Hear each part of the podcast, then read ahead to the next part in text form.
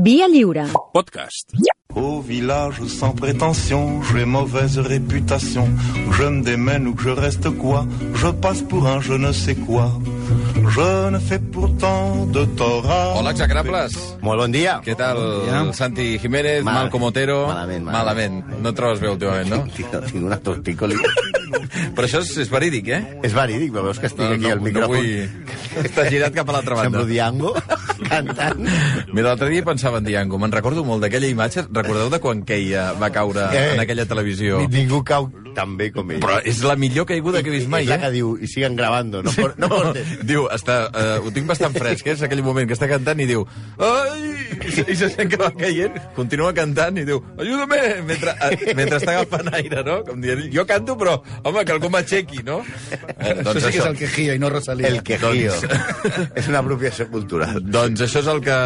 Doncs això és com està el Santi Jiménez ara mateix amb una torticoli de tres parells de nassos. Bé, avui qui és l'execrable, va? Mira, avui no, avui no us podreu queixar, ni la gent no es queixi, ni enviï missatges, perquè després del numeret aquest lacrimogen que van fer la setmana passada amb el Stan Lee, que era un execrable express... Molta gent enfadada, eh? Molta gent, doncs pues mira, que es fotin. Eh, pues. Avui portem un tio que porta molt de temps criant malves. Concretament, 819 anys. Què dius, Suposo ara? que ja tenim una perspectiva per poder jutjar la seva obra, no? Ningú- no hi ha club de fans, Sí, aquí, sí. eh?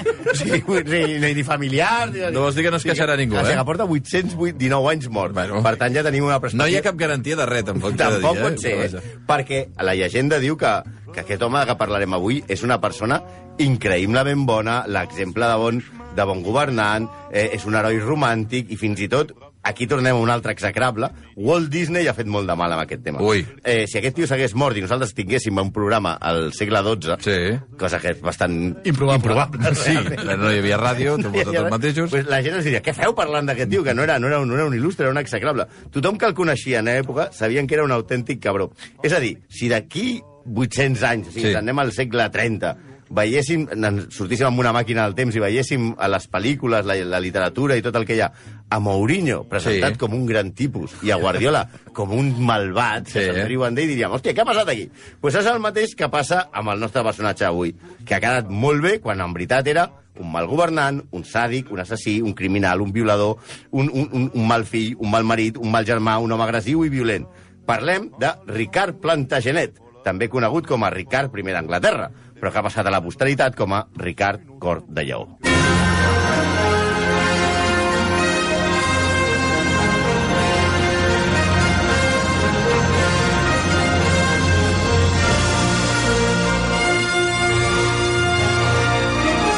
Sí que és una entrada musical, eh? Això- Perquè fins ara pot ser de les millors músiques que heu punxat en, en quatre temporades, eh? Miklos Rosa, banda sonora de Ivanhoe. Ivanhoe. La pel·lícula que van fer Robert Taylor i Elizabeth Taylor, Home. que, que es donaven al lote. Els germans Taylor. Bueno, els germans. Taylor. Va, ja havíem de fer el comentariat. Ah, Aquí, Vinga. La família Taylor se toca. Vinga, No, no, no eren família, eh? Que, No, que, no, no família. Eh, Tenia més bigoti, Robert. Va, Robert era el del bigoti. per favor. Va, van ser les, les novel·les romàntiques part de l'ESO, que és un moviment literari del segle XIX, i no 50 ombres de gai guarros, que som els guarros. Sí. I posem Ivanhoe perquè van ser les, les novel·les romàntiques les que van crear aquest mite de Ricard Cordellaó, tal com s'ha arribat avui en dia. És a dir, La culpa és de Walter Scott. Exacte. És a dir, com un rei que estima el seu poble i que alhora és estimat per la xusma, que desitja el seu retorn de la tercera creuada on ha anat a alliberar Terra Santa del terror musulmà, mentre a la seva, en la seva absència, el seu pèrfid germà, Joan Sense Terra, es dedica a explotar el poble, violar damisel·les i perseguir aquí a Robin dels Boscos, que és qui manté la flama de la fidelitat a tan just monarquia. I no és veritat, això? Una merda! Una merda! Escolta'm, Una escolta'm, merda! Un moment, un moment, No és calma. veritat. No, mira, a mi sempre hi ha un dubte que és tota aquesta... Eh, los plebeios que estan permanentment esperant la tornada del rei. Això, Això a mi em fa una mica sospitar. ah, Pues bé. Una miqueta. li- Vull dir que allò... Eh, Vull dir que al- altra feina tindrien en aquella època que està Home, esperant I que a més tornés a més, el rei. quan Eh? sàpigues la història de veritat, veuràs que és una merda. Exacte, Val, perquè el conte és molt bonic, però la realitat, la realitat és molt diferent. Ai.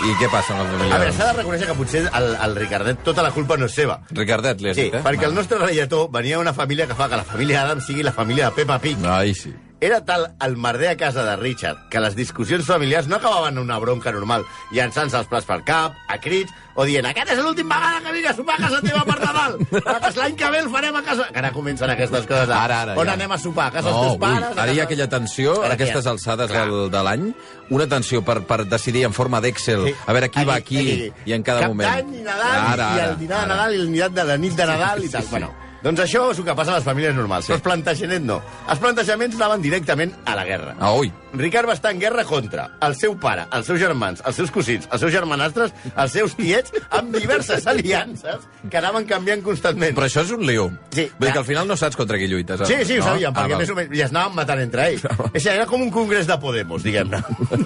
Però bueno, la, la veritat, s'ha de dir que la família no tenia mal fons. No, eren No, per Al final sempre es perdonaven. Ja. Si no, mireu el que va passar quan Ricard va muntar-li una guerra al seu pare, Enric II, que era una altra mala bèstia, per cert, que, a més, estava cruspint Adela de França, que era la promesa del seu fill. Això ja comença a ser una mena gran hermano porno, eh? Ai. El pare guanya la guerra al seu fill, Sí. que estava recolzat per la seva mare, Eleonor d'Aquitània. El fill recolzat per la mare, per tant, Sí, en sí. contra de la seva dona, eh? Exacte. Val. Sí, el Ricard i Eleonor contra eh, el seu, el, el- Enric el- II. sí. Però en una batalla, Ricard es nega a lluitar individualment contra el seu pare per no matar-lo. Ah, Li demana perdó i acaba jurant-li fidelitat. Bueno, bonic. aleshores diguem-ne que més o menys la cosa s'arregla. Però això no treu que el pare no es fies ni un pèl i bé que feia i enviés els seus fills quan més lluny millor. I tanqués a la mare, a la Leonor, és a dir, a la seva esposa, a la presó durant una bona temporada. És a dir, el tio diu, mira, saps què? Et foto la trena i això no, no molestes. El temps acabaria per donar la raó a- al vell Enric II, que va morir assassinat anys després, en estranyes circumstàncies. I mira, es veu que Ricard va tenir alguna cosa a veure amb la mort del seu pare. Perquè diu la llegenda que quan va anar a veure el cadàver del seu pare, fent com que li sabia molt de greu la seva mort, va començar a rajar sang pel nas. Que es veu que era la manera que tenia el difunt de dir a tothom des del més enllà que era el seu fill el que l'havia pelat. No sé, podia haver fet alguna cosa més espectacular en plan poltergeist. Enviar un llamp, moure els mobles, perquè això de sagnar pel nas és, és molt pocholo. Ai, per favor. ¿Londres? ¿Londres? ¿Londres? Sí, Londres. Ya sabes. Pastel de riñones, taza de té, mala comida, peor clima y esa Mary Poppins de los cojones. ¡Londres! què és això? Això té, té, té, sentit. Perquè Ricard va viure... A part de que és absolutament això? veritat. Especialment Què és aquesta frase? Això, això de Snatch, Cerdos i Diamantes, Ah. aquesta frase... La millor definició de Londres. De Londres. Sí, sí la, la puta Mary Poppins. Vinga. No, Ric, Ric, que l'hem de fer Ja ho un hem execrable. sentit. Estava, està, està, Aquí, a la Mary Poppins? Sí, sí, sí. A Però la- si és un a personatge de ficció. A l'autora de Mary Ah, Poppins. ah, ui, calla. Ricard va viure la major part del, del temps a Aquitània. Dels 10 anys que va ser rei d'Anglaterra no va passar ni 6 mesos a la illa. I no us ho perdeu, el rei favorit dels anglesos mai, mai va parlar anglès. Com que no va parlar No, anglès? perquè han de tenir en compte que en realitat era un cavaller normand i parlava la llengua d'oc. És a dir, que era gairebé català. Oh! Era català! Era català! Senyor Vicenç! És català! Aquest sí! De fet, el seu primer sobrenom era Oc Enon, sí i no, a causa de la seva facilitat per prendre decisions al moment. Sire, li tallem el cap al camperol? Oc. Oc. Sempre deia oc. Quan era de tallar cap, sempre deia oc. Oc. Sí, però ell no era dels catalans aquests de pactar, eixamplar la base, buscar la tercera via, no. Ell era un CDR a lo bèstia, no? Els seus primers anys ja va veure que a ell el que li agradava era sortir a sufocar rebel·lions, si eren familiars molt millor, i no, no parlem de la rebel·lió dels somriures, arrasar pobles, torturar i matar. Matar, matar, matar molt. La seva crueltat provoca que els seus súbdits es revoltin contra ell i una de les seves tàctiques favorites era la violació com a arma de guerra. Ui. Les cròniques de l'època expliquen que la seva extrema crueltat, quan algú se li posava tontos, després de cremar-li el poble, el que feia era, obro cometes, prendre per la força a les senyores, filles i parents dels homes lliures. Si fèiem els homes lliures, amb els serfs ja us podeu imaginar el que feia. I fer-les les seves concubines i després d'haver extingit el furor de la seva luxúria amb elles, les entregava als seus soldats perquè fessin el mateix. Afegirem un spoiler. No ho feia només amb dones. Crec que li agradava més que no fossin dones. Una altra mostra de la seva particular Perdona, perdona, em diuen una cosa, eh, Dani, això és veritat? Sí, ens han deixat un... Em diuen que ens han deixat un missatge pels execrables ja, de... ja s'han queixat? Bueno, no ho sé. Ja no hem acabat. No ho sé. A veure si podem sentir el missatge. És que no sé de qui és. Bueno, A, a, a mi ja em sap greu això de No, trucar no, sempre és per queixar-me, però és que això És un altre cop. Dissabte passat em vaig assabentar la reedició del llibre en castellà per la ràdio, Capullada número 1. L'agenda de promo per saber què aniria sortint als mitjans? 20 dies després que la promo hagués començat. Capullada número 2. Van dir que tenien compte de Twitter la setmana passada. No para. I a sobre, avui fan un altre home. Ricard Cordellaó no es podia fer amb Eleonor d'Aquitània? No hi ha dones execrables? Posen a prova el meu feminisme més que la dolera dirigir una sèrie. Jo no sé què faria sense els licontazos de whisky diaris, la veritat, que aquests dos sàtrapes m'estan portant a l'alcoholisme.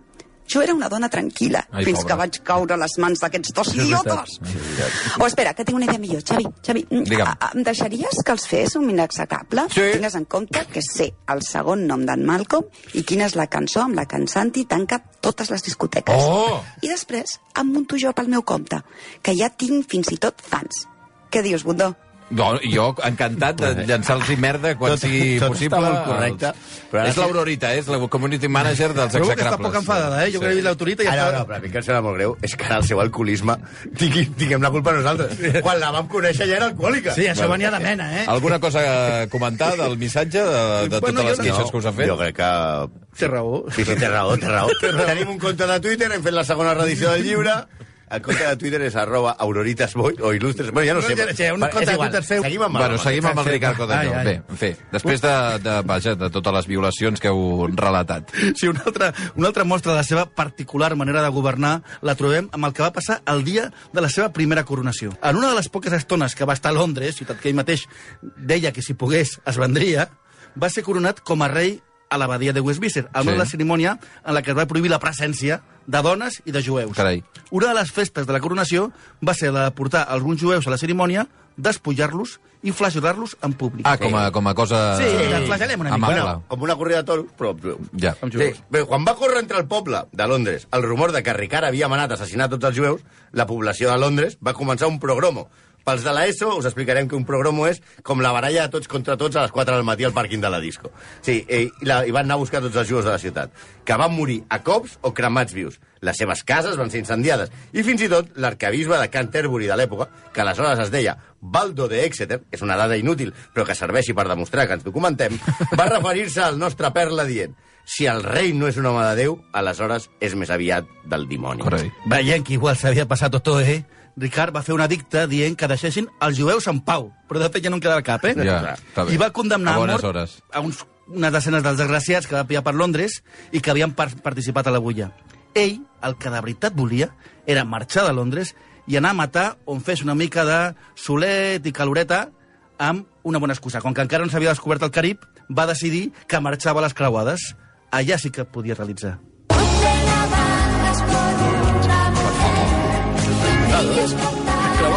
Era les creuades. Les creuades a la Les cruz. navalles. Les navalles i la, la cruz. sentit, no? Penseu que fins ara Ricard Cordellaó havia fet la guerra Mecano, com qui juga vinga, ara Mecano. la, la seva lliga particular, la, la, la local, o com a molt l'Europa League. Ara anava a les creuades, que és la Champions. Què dic la Champions? És el Mundial de la Guerra.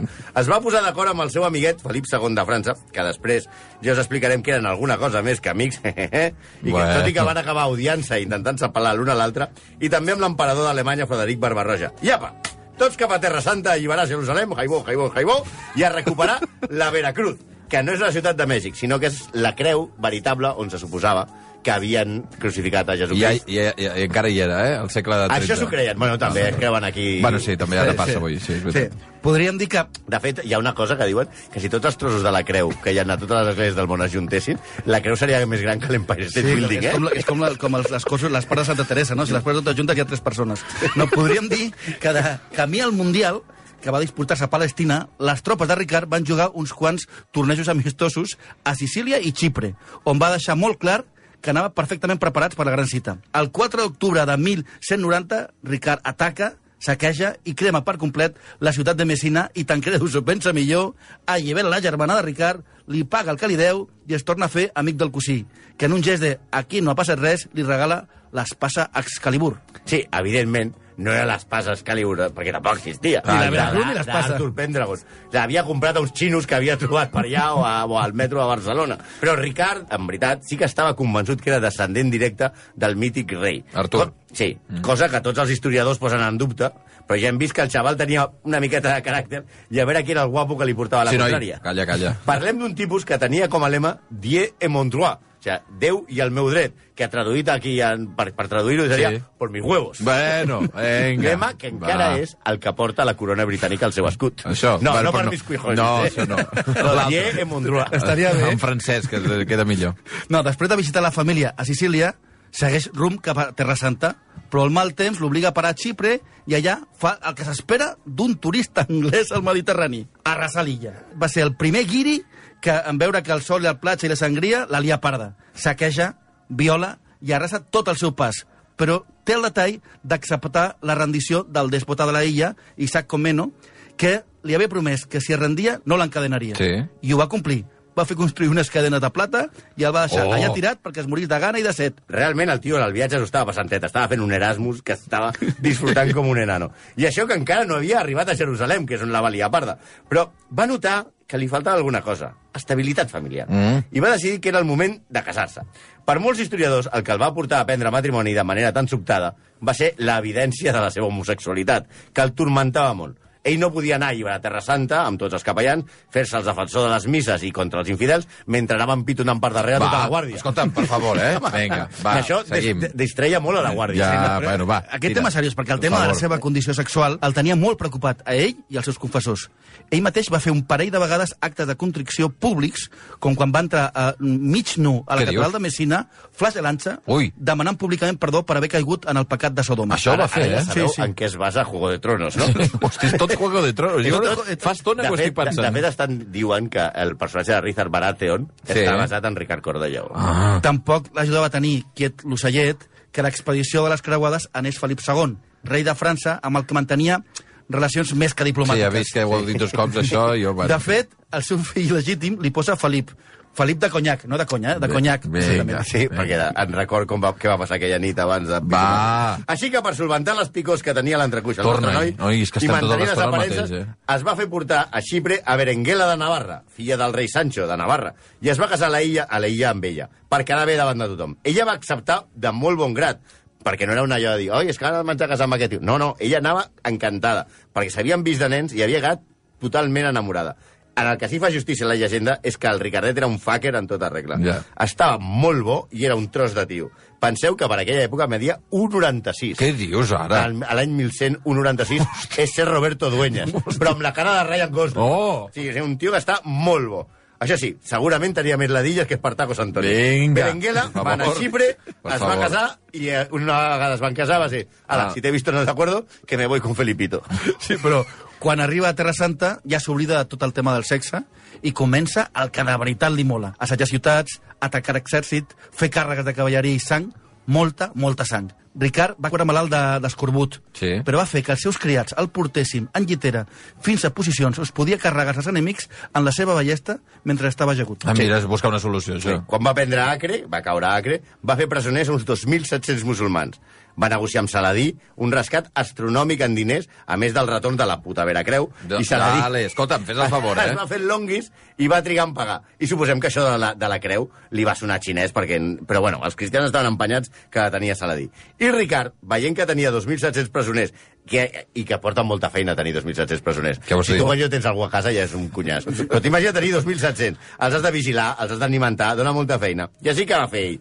Va tirar pel dret i els hi va tallar el coll a tots. Va degullar 2.600 tios a la vista de les tropes de Saladí per tal que els baixés la moral. Sí, la idea de Ricard era aterroritzar l'enemic, cosa que va aconseguir des de l'inici.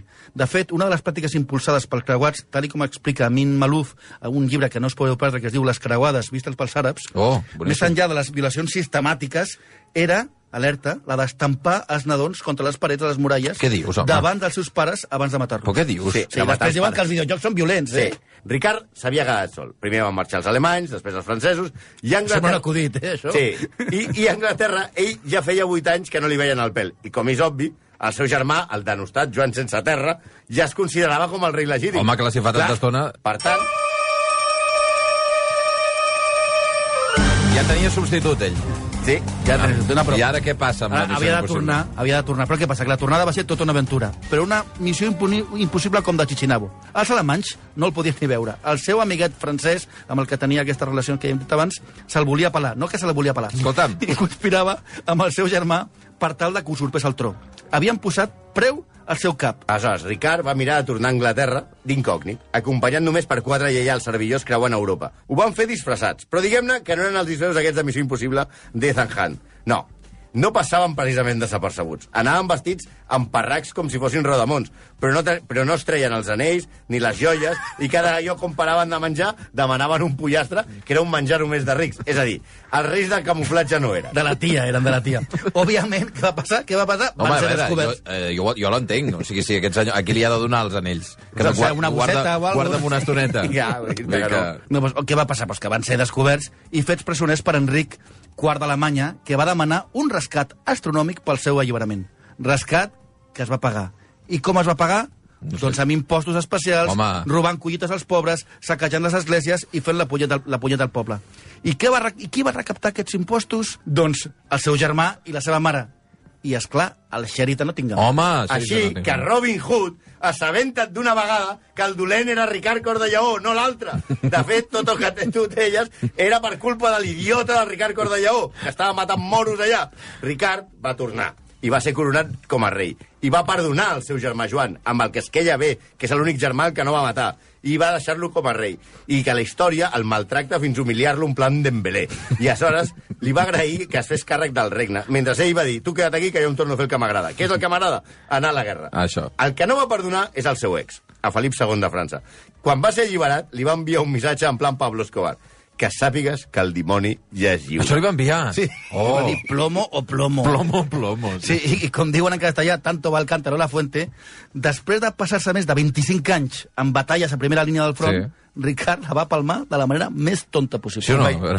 Eh, Estava supervisant les obres per assetjar una fortalesa de merda que feia costat a Felip II, quan va veure dalt de la muralla un soldadet amb una ballesta de merda que feia servir una paella de fregir ous com a escut. El Ricard, tot xulo, es van fotre d'ell i li va dir «Ala, dispara, xulo, a veure si me toques!» I el tio va, pum, i li toca. Hosti, no Ricard crec. havia sortit aquell dia, tan xulo com ell, sense cota de malla, i la fletxa li va donar entre el coll i el pit. Oi, oi, oi, oi. Sí, no, sembla una ferida, no semblava una ferida molt greu i el rei va intentar treure's ell mateix la fletxa i va fer un estropici molt gran. Van cridar un metge o una cosa així, no sabem si era un druida, un metge o què, que tampoc va saber treure-li la cosa i va anar a pitjor i a pitjor. Es van engranar i va acabar morint. Ostres. Això sí, abans de palmar, va fer anar al buscat el soldat que l'havia ferit de mort i va resultar que era un nen, el qual Ricard havia matat ell mateix els seus pares i germans. La formiga havia matat el lleó. El rei, fent gala de la seva magnanimitat, va voler morir dignament i en lloc de matar el xaval allà davant seu, el va felicitar per la seva punteria, Què dius, ara? el va perdonar, li va donar uns diners, però fidel a la seva crueltat, un cop mort, el seu capità va enxampar el nen, li va treure la pell en vida i el va penjar d'un arbre. Per això ell ho havia ordenat ell. Sí, ja. clar, eh? Cuando la palme, aquest... Allò, Eh? clar, com resumeixen els seus contemporanis, va ser mal fill, mal espòs, mal rei, però un valent i excepcional soldat, fins que va arribar a Disney i ens el va endolcir. Sí. Ricard Cor de Lleó, al Club dels Ara estem Execrables, esperant en que el. Genís Cinca... Fes, fes un honorable d'aquest, si Home, pots. era català. Era català! Era català! Tout le monde viendra me voir pendu, sauf les aveugles, bien entendu.